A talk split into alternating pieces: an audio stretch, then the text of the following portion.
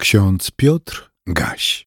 Wtorek, 6 lutego 2024 roku.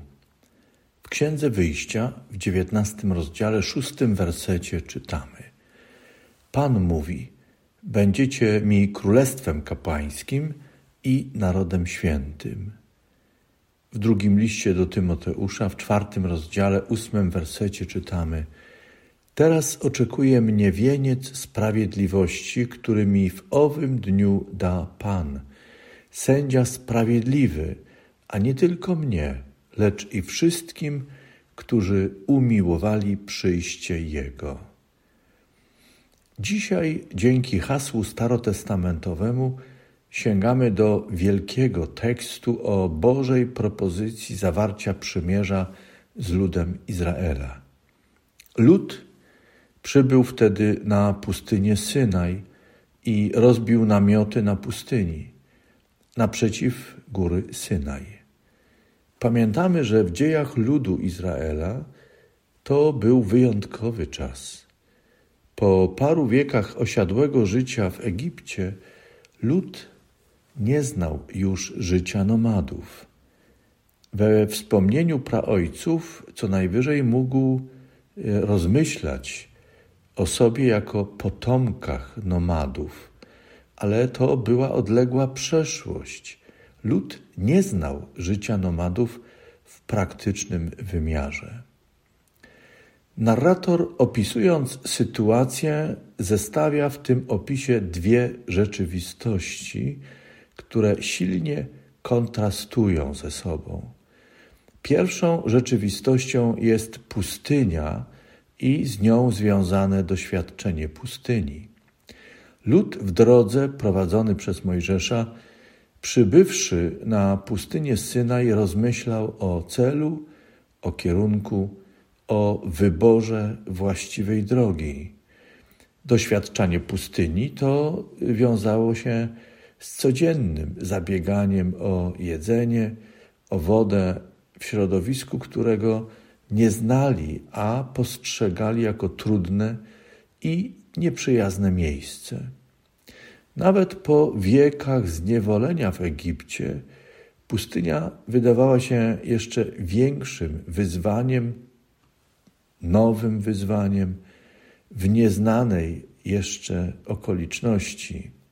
Przypominało to nową biedę, która przeraża. Tę starą znali, była przewidywalna, nowa była nieznana, niepokojąca, przerażająca.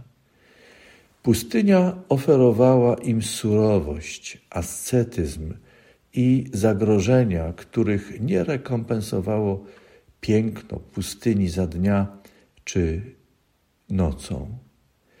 Tym bardziej, że przebywali, przybywali na pustynię nie jako turyści, którzy z ciekawości chcą posmakować pustynnego życia przez krótki czas, by potem powrócić do sytości i wygód życia. Powtórzę, lud przybył wtedy na pustynię, pustynię Synaj i rozbił namioty na pustyni naprzeciw góry Synaj. To pierwsza rzeczywistość, lapidarnie nazwana w opisie narratora. Potem w tekście czytamy o drugiej rzeczywistości, która, jak wspomniałem, kontrastuje z pierwszą. W tej drugiej rzeczywistości Bóg zaoferował nowy początek ludowi Izraela, potomkom praojców Abrahama, Izaaka Jakuba. Tym początkiem było zaproponowane przymierze. W ramach tego przymierza Bóg ze swej strony zaoferował ludowi prowadzenie do celu, stałe wskazywanie kierunku, wytyczanie właściwej drogi. Przymierze miało zmienić doświadczenie pustyni z wszystkimi jej, we wszystkich jej aspektach w przeżywanie mocy Boga i obfitości łask, których wcześniej jeszcze nie doznawali. To doświadczanie zmiany i przemiany, tak bardzo kształtujące i formujące dla ludu, czyniło lud królestwem kapłańskim i ludem świętym, czyli ludem służącym Bogu i ludem, który jest Bożą własnością, jest więc święty. Tym samym Bóg powołał lud Izraela, aby służąc Bogu stał się znakiem dla wszystkich ludów świata. Narody dzięki przymierzu na Synaju mają niezmiennie uczyć się tego, jak doświadczanie pustyni prowadzi do zmian i przemian w życiu każdego człowieka. Lud Izraela i wszystkie narody są bowiem w drodze. Jesteśmy wędrowcami. Żyjemy, może poza niewielką społecznością, poza pustynią Synaj. Jednakże wcześniej czy później wszyscy w życiu dochodzimy do takich miejsc, które z różnych względów pozwalają przeżywać doświadczenie pustyni.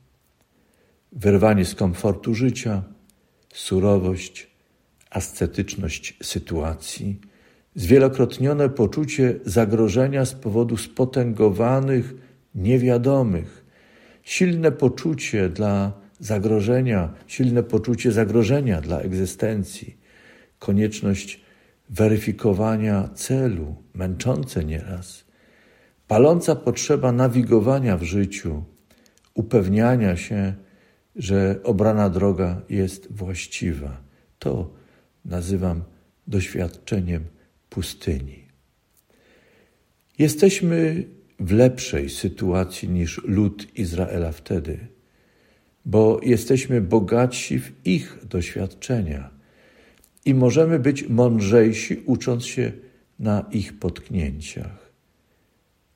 Nie mamy przywódcy takiego jak Mojżesz, ale mamy kogoś jeszcze większego Jezusa Chrystusa.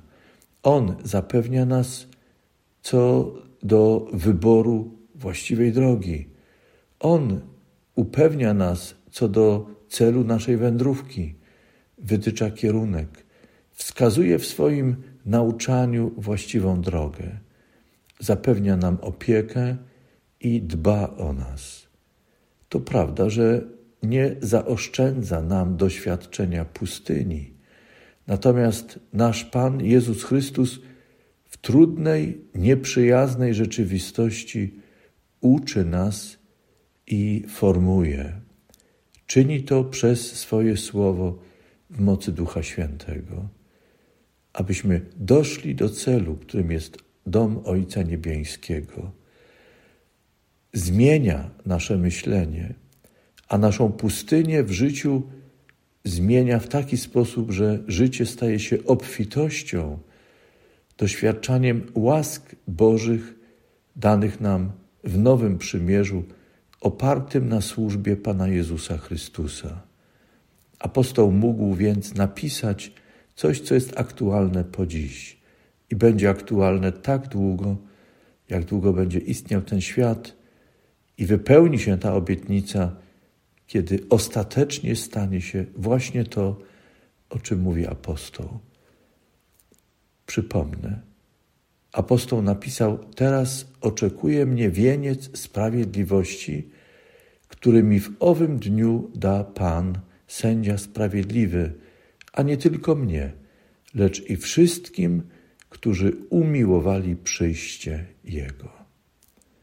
Niech więc błogosławi i strzeże nas Łaskawy i miłosierny Bóg w Trójcy Świętej jedyny, Ojciec, Syn i Duch Święty. Amen.